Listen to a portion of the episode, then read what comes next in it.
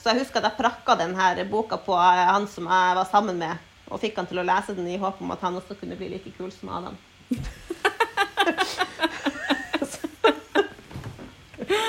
Hvordan gikk det? Nei, det gikk jo ikke så bra. Ah, ikke sant. Men eh, hva sier du når du Eller hva sa du når du skulle anbefale boka?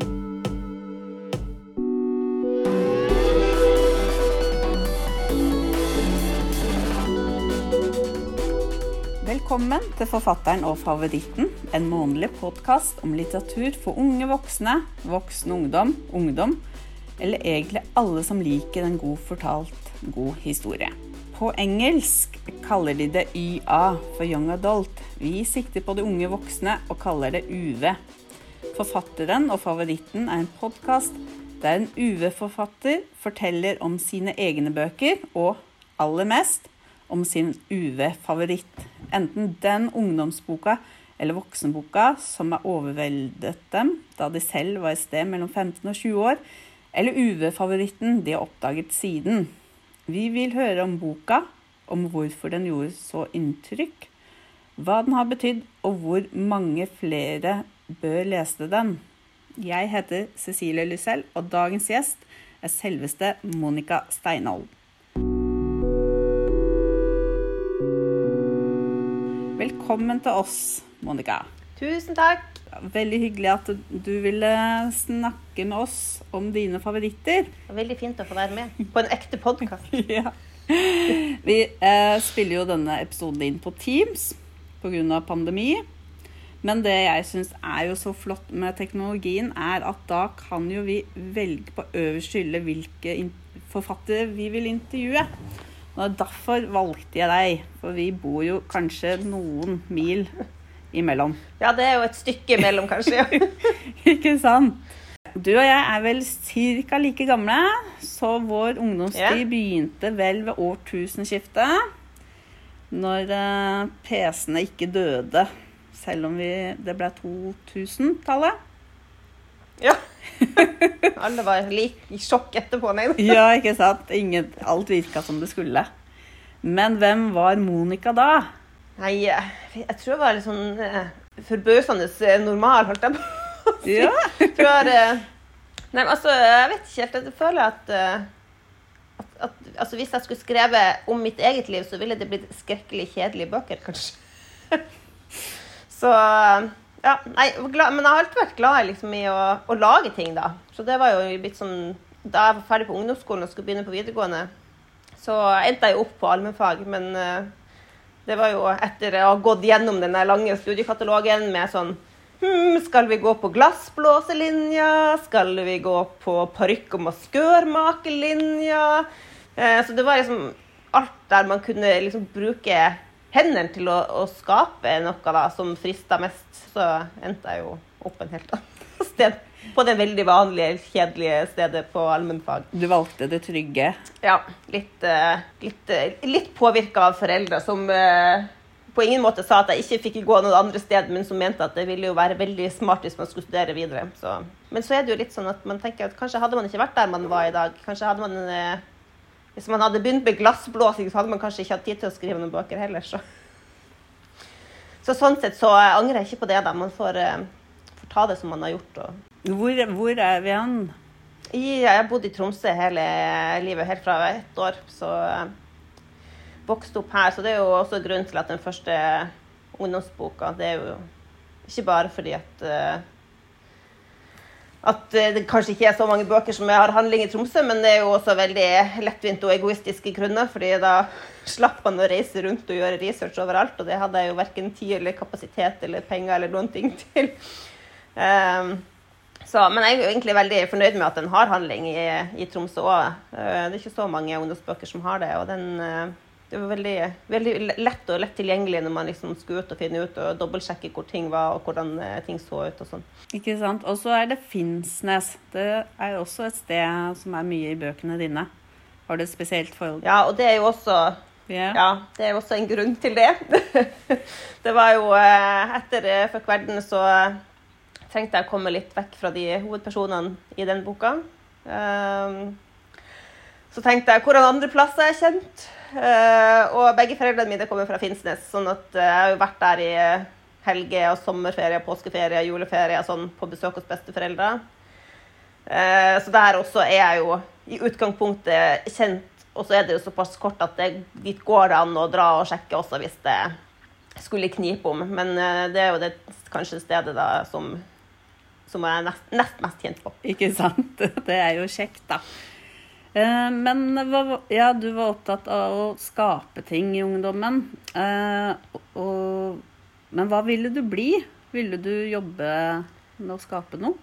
Ja, det var jo også det var jo grunnen til at jeg hadde lyst til å ta de linjene på videregående. Det var jo fordi at, eh, at de, der kunne man på en måte Hvis vi går på armefag, så blir man jo ingenting. Eh, Men hvis man tok de linjene, så kunne man jo bli blomsterdekoratør, eller man kunne bli glassblåser, eller man kunne bli parykk- og maskørmaker og jobbe på Det Norske Teatret og lage eh, maske og parykker til de. Eh, Så det var jo med tanke på det man hadde lyst til å jobbe med. Og så var det, altså Jeg har alltid vært glad i å skrive, men det, tror av, altså, det sto jo ikke noen sånn i denne studiekatalogen noen sånn forfatterstudie, for da hadde jeg helt sikkert vurdert det også. Og så er jeg jo kanskje også litt sånn litt sjenert og litt eh, feig, kanskje. Og mange av de linjene som var eh, litt sånn spennende, de, da måtte man jo flytte for å gå på de. sånn at det var veldig trygt og godt å forbli på denne allmennfaglinja hjemme i Tromsø. da. Det skjønner jeg godt. Men eh, nå, da, når, når du eh, har blitt litt eldre, hva, hva ville du sagt til deg selv? Eh, når du da vurderte hvor du skulle gå, ville du ha sagt Ja, altså, altså Jeg er jo egentlig veldig fornøyd med det jeg jobber med nå. sånn at Det er jo vanskelig å si at man burde ha gjort noe annet. Men jeg er jo fortsatt veldig glad i å lage, og skape andre ting også. sånn at hvis jeg skulle begynt på videregående nå, så ville jeg jo ha tatt eh, og valgt annerledes. Da ville jeg kanskje valgt en litt mer skapende retning.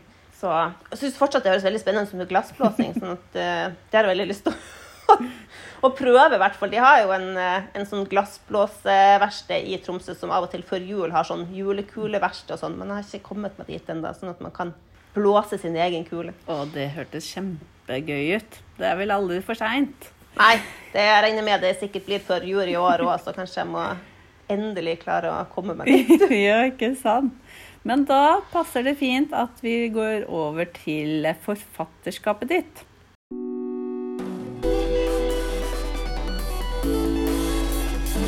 Jeg har nå lest nesten alle fire bøkene dine som du har skrevet for ungdom. Og jeg syns du skriver på sånn god måte. Det er akkurat det ungdom vil lese. I hvert fall jeg ville lese når jeg var 15-20 år. Eh, liksom vanlig ungdom med vanlige problemer. Ja. Eh, og masse følelser. Absolutt. Ja. Du debuterte i 2015 med 'Fuck verden'. Det var en litt tøff Ja. eh, tittel å debutere med. Eh, ja. og det, her kommer jo også kanskje frem det, Den er jo kanskje ikke veldig med, den tittelen, og det er jo ikke heller jeg som har kommet på den. Ok. Eh, for den, eh, den boka het egentlig eh, 'Sjakkmatt'. Eh, og det het den nesten helt frem til den skulle i trykken. Og så eh, ringte redaktøren min meg dag jeg var på jobb, faktisk. Jeg snakka med han i pausen. Eh, og så hadde de fått omslaget på boka, og der er det jo noen sånn sjakkrute sånn i havet eller i bakgrunnen der. Og han bare Nei, men det her går ikke. Vi kan ikke ha en bok som heter 'Sjakkmatt' med disse sjakkrutene. Da høres det ut som det er ei sjakkbok. Eh, så han bare Hva med Hva med fuck verden? Jeg bare What?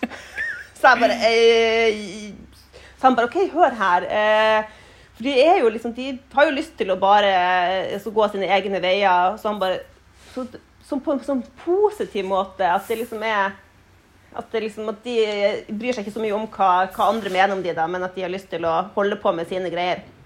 Eh, og jeg synes jo nå i ettertid så syns jeg jo den tittelen eh, egentlig også kler den omslaget veldig godt. fordi at omslaget er jo på ingen måte veldig tøft og hardt. Sånn at jeg føler at det blir en sånn fin sånn dobbelthet i, i omslaget da, med den tittelen og så de, det bildet i tillegg. da. Så jeg er veldig fornøyd med at den ikke heter sjakkmatt, og at eh, noen andre var litt kulere enn jeg var. ja, så bra. Ikke sant? For i Fuck verden møter vi Gunn, eller Gunvalda, og Niklas og Jens. Og de møter vi også igjen i de to neste bøkene. Eh, Så man får jo litt sånn spesielt forhold til disse tre, da. Um, har du også fått et litt sånn nært forhold? Ja, etter jeg har skrevet for verden', så tror jeg jeg hadde et litt for nært forhold til Gunnar Gunn og Niklas. Fordi eh, jeg hadde jo sittet og slitt med denne boka i eh, åtte år Oi. før den kom ut.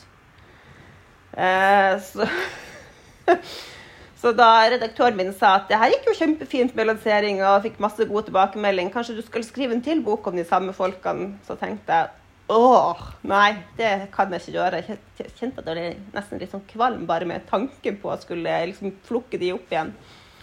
Eh, og så sa han han bare, ja, men hva med Jens da? Jens er jo, han er jo spennende, og han er jo ikke så mye med, sånn at da står det jo litt friere. Så tenkte jeg, ja, men det, det tror jeg jeg kan få til, liksom. Og, og det er jo også en av grunnene til at jeg uh, flytta Jens til Finnsnes. eh, for å komme seg vekk fra Gunnar Niklas, når jeg slapp unna, Akkurat. Ja, for det er en fantastisk bok. Nærmere kommer vi ikke.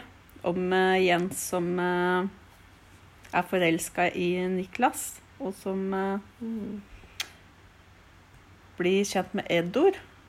Edor? Ja, ja, han, ja Edor, ja. Og Jens han, også, han stikker jo også av fra Gunn og Niklas, da, for han er jo egentlig også ganske lei av de. sånn at jeg følte at det, det passa litt med mine egne følelser der og da. Akkurat. Ikke sant. Og etter denne trilogien så var det litt fantasy. Um, Ank-serien. Ja. ehm, før vi da møter uh, onkel Torstein og onkel Philip Phil igjen i Vi var en gang. Eh, så det er litt sånn eh, connection der mellom den, eh, de andre ungdomsbøkene. Ja, og det er jo også litt Jeg er jo litt glad i også, også leve i samme univers. Da, sånn at fordi om de har ingenting med hverandre å gjøre, så, så er jo de onklene da den linken kanskje som, som kobler de altså, Vi var en gang til de andre tre bøkene, da, uten at man altså, Hvis man ikke har lest de andre tre først, så har man jo ingen anelse om at de onklene kommer fra noe annet sted. Eh, men det var jo sånn litt for min egen del, fordi at jeg synes at jeg ble veldig glad i onkel Torstein og onkel Phil og hadde lyst til å ha dem med litt videre. Eh, men også litt det fordi at jeg er litt sånn fascinert av bøker som da er i samme, samme univers, sånn at man kan klare å, å koble de sammen, og at leserne litt vet hvor de kommer hen, og hvor de liksom befinner seg i ja, Og at man kanskje kan Hvis man har lest de andre, så er det kanskje et par liksom, ting som man kan kjenne igjen, men som man ikke ja, Så man får litt sånn ekstra sånn bonusgreier ut av det hvis man har eh, lest de andre før. Ikke sant? Alle burde hatt en onkel Torstein i livet, føler jeg. Ja, ja Absolutt. helt enig. Eh, og så i det siste har du begynt å skrive for litt yngre. Ikke akkurat Lykke, som er jo veldig, Ja. veldig fin bok. Eh, for de litt mindre. Kommer det flere bøker om uh, lykke? Om lykke? Ja, kommer en uh, nå i høst. Uh, og så sendte jeg jo en sånn kjapp idé til en bok tre nå som jeg har fått litt sånn eh, go på. Så det er det jo bare å sette i gang med nummer tre òg. Men nummer to er, den er ferdig. Den skal bare i trykken, og så er den klar. så gøy. Da er det bare å glede seg til. Men blir det flere ungdomsbøker? Ja, kjenner, altså det, det er jo litt sånn rastløshet, og det er jo også grunnen til at eh, det ble den fantasy-serien etter de eh, tre første ungdomsbøkene. For da var jeg jo jeg ganske lei av hjertesmerter hjertesmerte og følelser. eh, eh, og de går ganske liksom dypt inn i folk. og kjente at det var litt sånn tungt å sitte og skrive det. Og så tenkte jeg ok, nå har jeg lyst på noe med litt mer fart og spenning. Nå har jeg lyst på kanskje noe litt helt i andre enden av skalaen med litt illustrasjoner, og der det skjer ting hele tida. Der det kanskje er mer handlinger som driver boka fremover enn personene, da. Um, men så kjenner jeg jo nå, etter de lykkebøkene igjen, så kjenner jeg jo nå har jeg jo litt lyst til å gå tilbake igjen til ungdom, så jeg må jo må veksle litt for å ikke bli lei, da. Ja, ikke sant? Sitte og Ja, så du pusle litt med sånn thriller for voksne, så er det greit å, å, og hoppe litt rundt omkring. Ja, ikke sant? Prøve litt forskjellige eh, typer sjangere. Så, men eh, planlegger du eh, hva du skal skrive, eller bare skriver du og så ser hva, hva som kommer ut av det? Å, ja, nei, det har jeg slutta med. uh, og det er nok sikkert en av grunnene til at Fuck verden tok så, så skrekkelig lang tid. Uh, fordi at der var det Jeg hadde jo en sånn slags idé om hva jeg hadde lyst til å skrive, men eh, Og så ble det litt sånn at jeg skrev, og så ble det nå det det ble. Eh, så på nærmere kommer vi ikke, så tror jeg jeg skrev Først jeg tror jeg sendte inn sånn 70-80 sider. Fikk jeg tilbakemelding, så måtte jeg slette nesten alt. Og så begynte jeg på nytt igjen, og så skrev jeg kanskje 40 sider. Og så fikk jeg tilbakemelding, og så måtte jeg slette nesten alt. Og så tenkte jeg det her gidder jeg ikke mer. Jeg orker ikke å sitte åtte år til og skrive på denne boka. Eh, Så etter det, altså, da har jeg Etter den eh, fikk de 40 sidene i retur, så har jeg satt meg ned og så har jeg lagd en plan eh, for hele boka.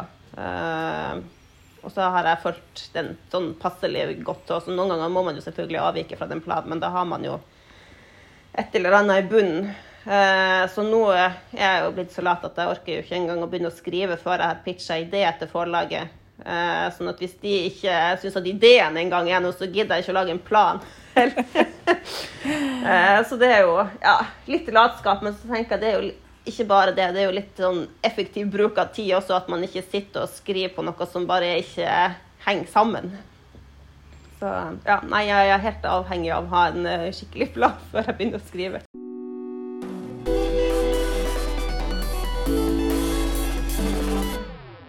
Har du noen råd til UV-lesere som går med en forfatter i magen? Som kanskje vil begynne? Ja, altså det største, eller det beste rådet mitt er jo hvis man har lyst til å begynne å skrive, er jo kanskje å, å ikke gi opp da hvis man faktisk har Hvis det er drømmen, da. At man bare hvis hadde jeg gjort det, så hadde det jo ikke blitt noen bøker. Eh, og det ble jo også, det ble nesten tyngre og tyngre jo lenger ut i de åtte årene jeg kom, men så ble det jo òg litt sånn vanskeligere og vanskeligere å legge det fra seg, fordi at man hadde brukt så utrolig mye tid på det. Og hvis man da bare la det bort, så hadde man jo brukt all den tida til ingenting. Um, så det er jo litt, litt det å ha den der stå-på-viljen og, og bare stå i det for det om det ikke er, er like lett alltid, og for det om man får opp- og nedturer. Jeg hadde jo den første boka mi eh, ble jo antatt, og så ombestemte de seg, og så ville de ikke gi den ut allikevel på et forlag, og så hadde jeg sendt den inn en annen plass og samarbeidet med en redaktør, og så skrev jeg den om, og så ble det verre. Og så skrev jeg den en gang til, og så ble det enda verre. Så sa han at hvis du har jobba med dette så lenge, og det bare liksom ikke blir bedre når du prøver å skrive det om, så kanskje du skal prøve å legge det fra deg. Oi. uh, ja, så det, det var liksom den eh, nest siste gangen før jeg Da hadde jeg egentlig bestemt meg for å legge det bort, og så tenkte jeg nei, ok, jeg prøver én gang til. Og så hadde jeg funnet et par forlag der jeg ikke enda hadde, hadde sendt det inn. da, så ja, Hadde det ikke gått da, så hadde jeg jo ikke hatt flere plasser å gjøre av det, så da hadde jeg jo kanskje vært nødt til å legge det ifra meg. men ja. Ikke sant? Hvor fikk du den motivasjonen til å holde på i så mange år? Før du Jeg tror det er litt sånn, altså litt sånn stahet, rett og slett. Og også det bare at man føler at man har, har brukt all den tida på det, at da må det nesten bli noe til slutt, fordi at uh, man har lagt så mye tid og arbeid i det. Ja, ikke sant? Ja. Og så er det jo den planen min, da, som er den, kanskje det skrivetips nummer to. Det er jo ikke alle som Jeg vet at det er folk som ikke klarer å jobbe på den måten, men, eh, men eh, hvis, hvis man får til, så er det i hvert fall atskillig lettere å komme i mål. da. Leser du mye ungdomsbøker på fritida? Ja. Det går mye i eh, vet Jeg vet noen forfattere som ikke har lyst til å lese bøker som er på en måte i den sjangeren de sjøl skriver, fordi de er redd for å bli påvirka av, eh, av det de leser. Men, eh, men jeg leser veldig mye ungdomsbøker. Eh, og det, jeg tenker at det har jeg jo vært nødt til å gjøre også for å kunne skrive det sjøl. Eh, kanskje ikke akkurat mens jeg skriver. Eh, fordi at da er jeg litt Ikke fordi at jeg er redd for å skrive sånn, men da er jeg litt sånn skriveboble. Men så kan jeg ha perioder der jeg leser masse, og så skriver jeg, og så leser jeg. Eh, og nå har jeg jo begynt å bli, veldig flink å høre på lydbok, så nå kan jeg jo faktisk lese mens jeg skriver. For da hører jeg ofte på lydbok mens jeg går tur med hunden, og mens jeg bretter håndduker og sånne ting. sånn da får, føler man seg ekstra effektiv når man får gjort liksom, to ting på en gang. ikke sant? Da er det liksom greit å, å lese, på en måte. Fordi du gjør noe annet samtidig. Mm. Ehm, men da kan vi jo glatt gå over til pallen din. For jeg har da bedt deg om å lage en pall over dine favorittungdomsbøker. Eh, eh, tredje, andre og førsteplass, og du var ganske rask med å komme med pallen din til meg, så da tenker jeg at da har du tenkt litt på dette fra før av. At det er noen bøker som Ja. har betydd mye for deg. Ja, det er jo eh, kanskje noe altså det, bare, det var kanskje de som jeg huska best da, fra, fra jeg var 15, 16, 17, 18, 19 kanskje, eh, som jeg plukka ut på den lista. Eh, ja, fordi jeg tenkte at hvis jeg skal stå der og tenke og tenke, og tenke, så kanskje ender jeg opp med et eller annet rart. Så jeg tenkte at det tok jeg nesten de første jeg bare kom på, som jeg følte at, eh, Som satt. at jeg huska godt fra da. Ja, som du husker òg, ja. For på tredjeplass, der har du skrevet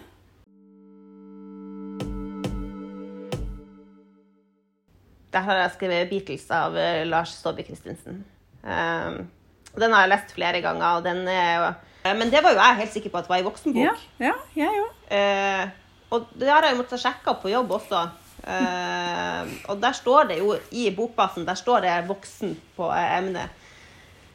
Eh, og det trodde jeg den var. Jeg trodde jo, da hadde liksom jeg lest min første voksenbok nesten eh, da jeg leste den. Og den er jo kjempetjukk, og den er mye tjukkere enn mange bøker jeg til vanligvis gidder å plukke opp og lese, i hvert fall nå for tida. Uh, og så jeg blir veldig så blir jeg sånn sjokkert da jeg driver og snakker om den, og så snakker jeg med den med ei venninne. Uh, og så hun bare Ja, men det er jo en ungdomsbok. Så jeg bare Nei, det er det ikke. Helt siden altså, bare det er det jo det, Nei, det går ikke an. Og så i ettertid så har jeg funnet ut at den kommer jo fra ungdomsbokklubben, så den, er, den ligger jo og vaker litt sånn i, i grenseland antagelig mellom eh, voksen og ungdom. Ja, ikke sant? Eh, mm. ja. Men, men man er vel kanskje litt sånn eh, vaker mellom voksen og ungdom når man er Ja. 15-20 år òg? Man er jo det. Og den nå har jeg ikke lest slutten på den. Jeg begynte på den på nytt igjen nå, men jeg rekker ikke å bli ferdig med den. Men den spenner jo, så vidt jeg klarer å huske, over ganske mange år. Eh, så den er jo fra eh, Starter jo når de er ferdig på ungdomsskolen, disse guttene. Eh, så de er jo ganske unge, og så går den jo ikke, Nå er det jo flere etter også, men jeg lurer på at den går helt til han er i hvert fall 20, kanskje, den første boka. Tror jeg, hvis jeg ikke husker feil. Og det var jo et eller annet med den da jeg leste den som var ja, altså, jeg følte at jeg ble liksom tatt tilbake da, til eh, Mamma og pappa leste den jo også, og de var jo, sånn, de var jo kjempebegeistra, fordi det var jo rett tilbake til deres ungdomstid. Eh, og det husker jeg, det tror jeg at jeg syntes var litt sånn artig, at, at man kunne, lese hvordan, hvordan det var da. Og de har jo også vært eh, Pappa har jo hatt Beatles-plate hjemme og spilt og sånn, så det var litt, følte at man på en måte fikk et sånt lite blikk inn i ei anna tid da, der man ikke helt eh, hadde liksom de kunnskapene, eller man hadde jo hørt litt fra mamma og pappa, men det var jo, her var jo noe helt annet enn å bare ha liksom korte, korte historier fra de, da. Eh, og så var det jo stort Mamma og pappa er jo vokst opp på uh, Finnsnes, som er bitte, bitte, bitte, bitte liten plass, og mamma er jo vokst opp litt utfor der igjen, som er enda mindre. Uh, mens Beatles er jo sittet i Oslo, uh, som er mye større enn Tromsø igjen nå, da, så det var jo den litt også litt sånn eksotisk med den her storby... Eh, storbylivet da, til de guttene som bare bor midt eh, i byen. Eh, og så har jo Lars Saabye Christensen har jo veldig liksom, malerisk og vakkert språk. Da, sånn at det var jo veldig lett å, lett å se for seg eh, alle de scenene i denne boka og leve seg inn i den og, og være med da, der de, der de er, og være med ut og bade i det regnet. og bare kjenne den frykten for den granatmannen som kanskje har, eh, skal sprenge ei bombe i 17. mai-toget og sånn. Så ja, veldig levende eh, og fin bok. Og den tror jeg faktisk at, eh, at holder seg fortsatt hvis man, eh, hvis man har lyst til å å plukke den opp og lese den. Ja, ikke sant. Helt enig. Så går vi over til andreplassen.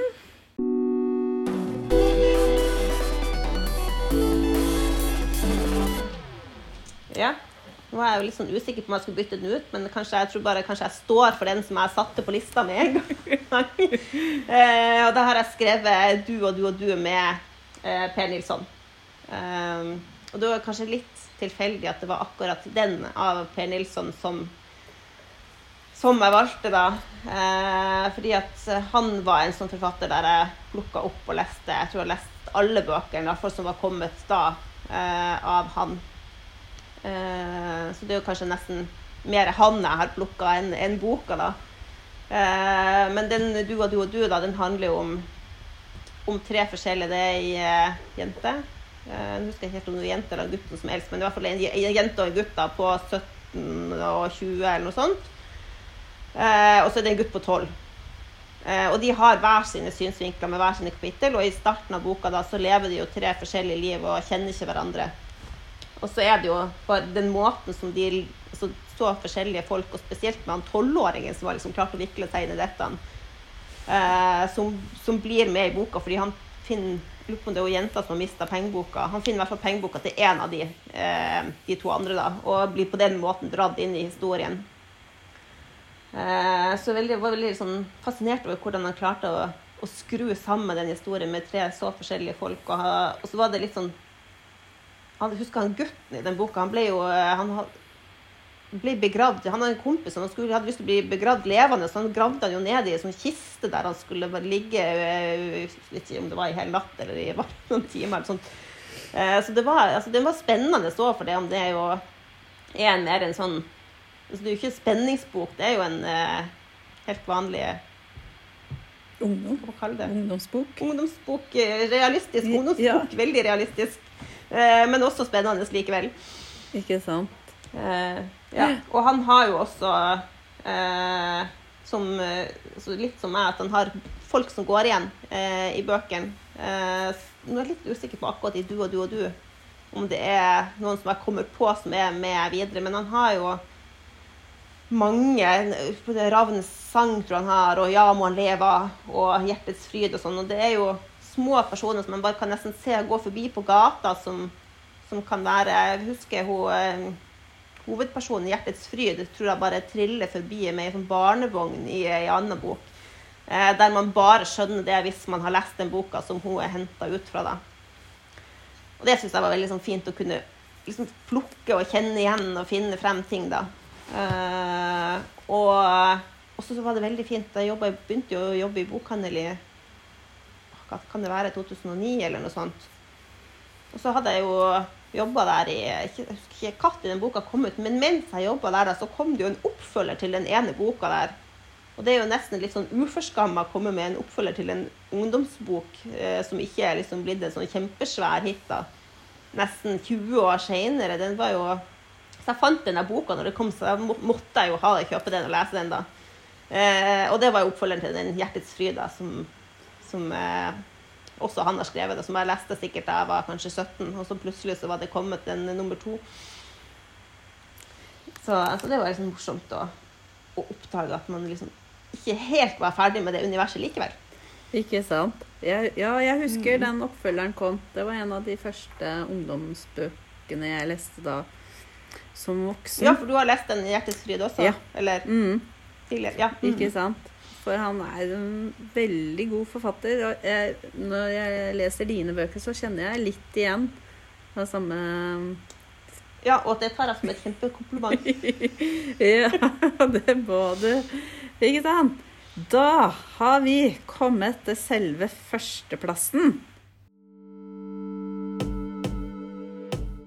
Og det er jo en fantastisk tittel, bare. Og da er vel boka også like fantastisk. Ja, den er i hvert fall veldig spesiell. Ja, ja ikke sant? Eh, ja. Eh, 'Månen er en diger pudding' har jeg på førsteplass av Jon Evo. Eh, og det er jo egentlig nummer to i en serie, men man må jo ikke ha lest den første. Og den var jo også en sånn type tror ungdomsbokklubben var liksom, eh, har tydeligvis betydd mye for meg, for det tror jeg også kommer derfra. Eh, og det er nummer to i serien. Og jeg, visste, jeg, tror ikke jeg visste om at det fantes en bok nummer én en gang da jeg leste den. Og det gikk helt fint. 'Sola er en feit gud' heter den første boka. Ja. ja. Mm. Fantastiske titler. Også veldig fin. Ja? Hvis man jo skal lese de, så er det jo greit å lese de i riktig rekkefølge, men man må jo ikke det. da. Nei, ikke sant. Hva handler den om? den handler Den boka handler om alt. Uh, og jeg tror det var det som altså, jeg tror det er derfor den har eh, havna på førsteplassen. Fordi den har uh, Jeg var så utrolig fascinert av den uh, da jeg leste den som ungdom først. Jeg, jeg, tror kanskje jeg må ha vært 17. Jeg måtte jo regne meg tilbake. Jeg trodde kanskje jeg var enda yngre. Jeg tror kanskje jeg var 17 da den kom ut. Og jeg fikk den. Og husk at Adam, da, som er hovedpersonen, som er litt sånn kul type, og han, jo, han tar jo leseren virkelig med inn i boka. og, og altså, Han forteller denne historien til leserne, som han kaller da for brødre og søstre. Eh, så man blir jo med inn i historien, og han tar oss med, og han liksom snakker til leseren eh, underveis. Eh, og jeg husker at Adam var jo så Han er jo veldig snill, og så er han veldig kul, og så er han veldig litt sånn litt, litt sær også. Så jeg husker at jeg prakka denne boka på han som jeg var sammen med, og fikk han til å lese den i håp om at han også kunne bli like kul som Adam.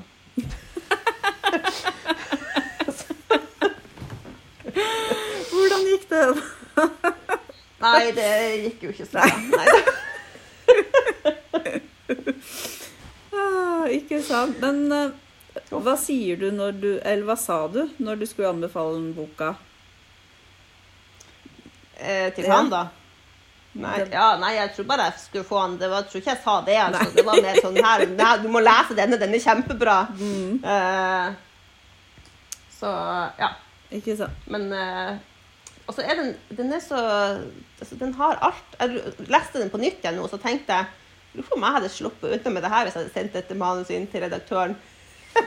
Fordi den er jo overalt. Den er liksom uh, Den handler om så utrolig mye. Og så har han jo putta altså Inni boka så er det jo putta inn ei novelle som han er ene uh, Ikke engang hovedpersonen har skrevet. Uh, og så har du litt sånn litt sangtekster. Så har du en sånn liten fortelling fra, som er fra Ilden helt på slutten, der han liksom lager et sammendrag av boka. Eh, og så har du han ene som holder et sånt lite foredrag om historien om eh, kroppslyder, tror jeg det var.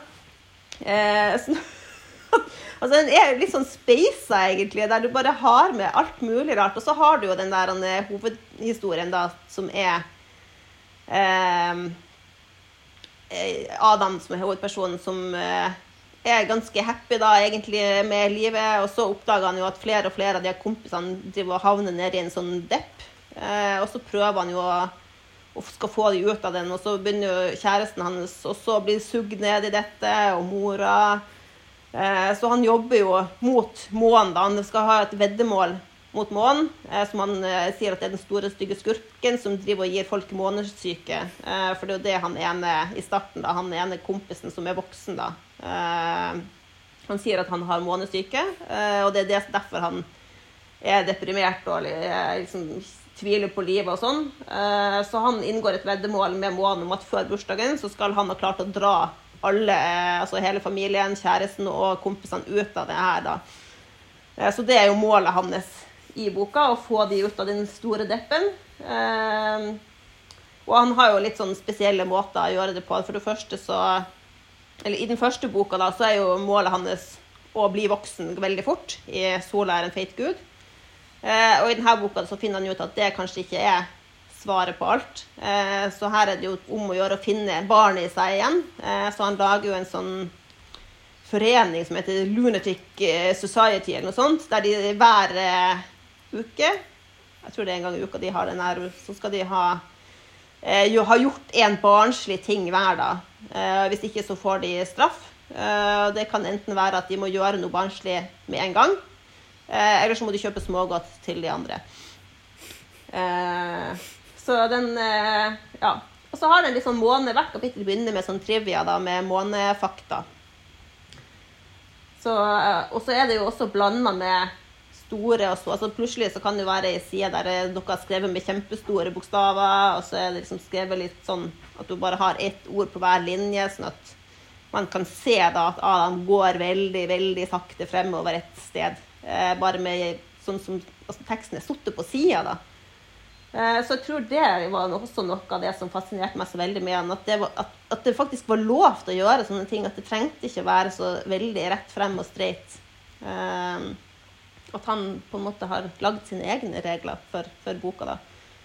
Så den har jo vært en sånn veldig sånn inspirasjon eh, i min skriving. Da jeg begynte å skrive eh, sånn, Jeg har alltid likt å skrive, men da jeg ut at jeg skulle skrive en bok når jeg var ferdig på videregående.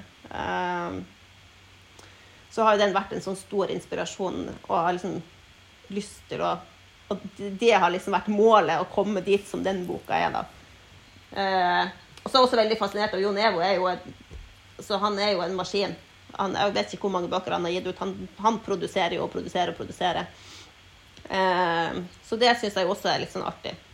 Eh, og jeg har også lyst til å, å gi ut masse bøker. Det, stort sett så er det jo bare menn som driver og er sånne der, eh, bokmaskiner. Ja, det er sant, det.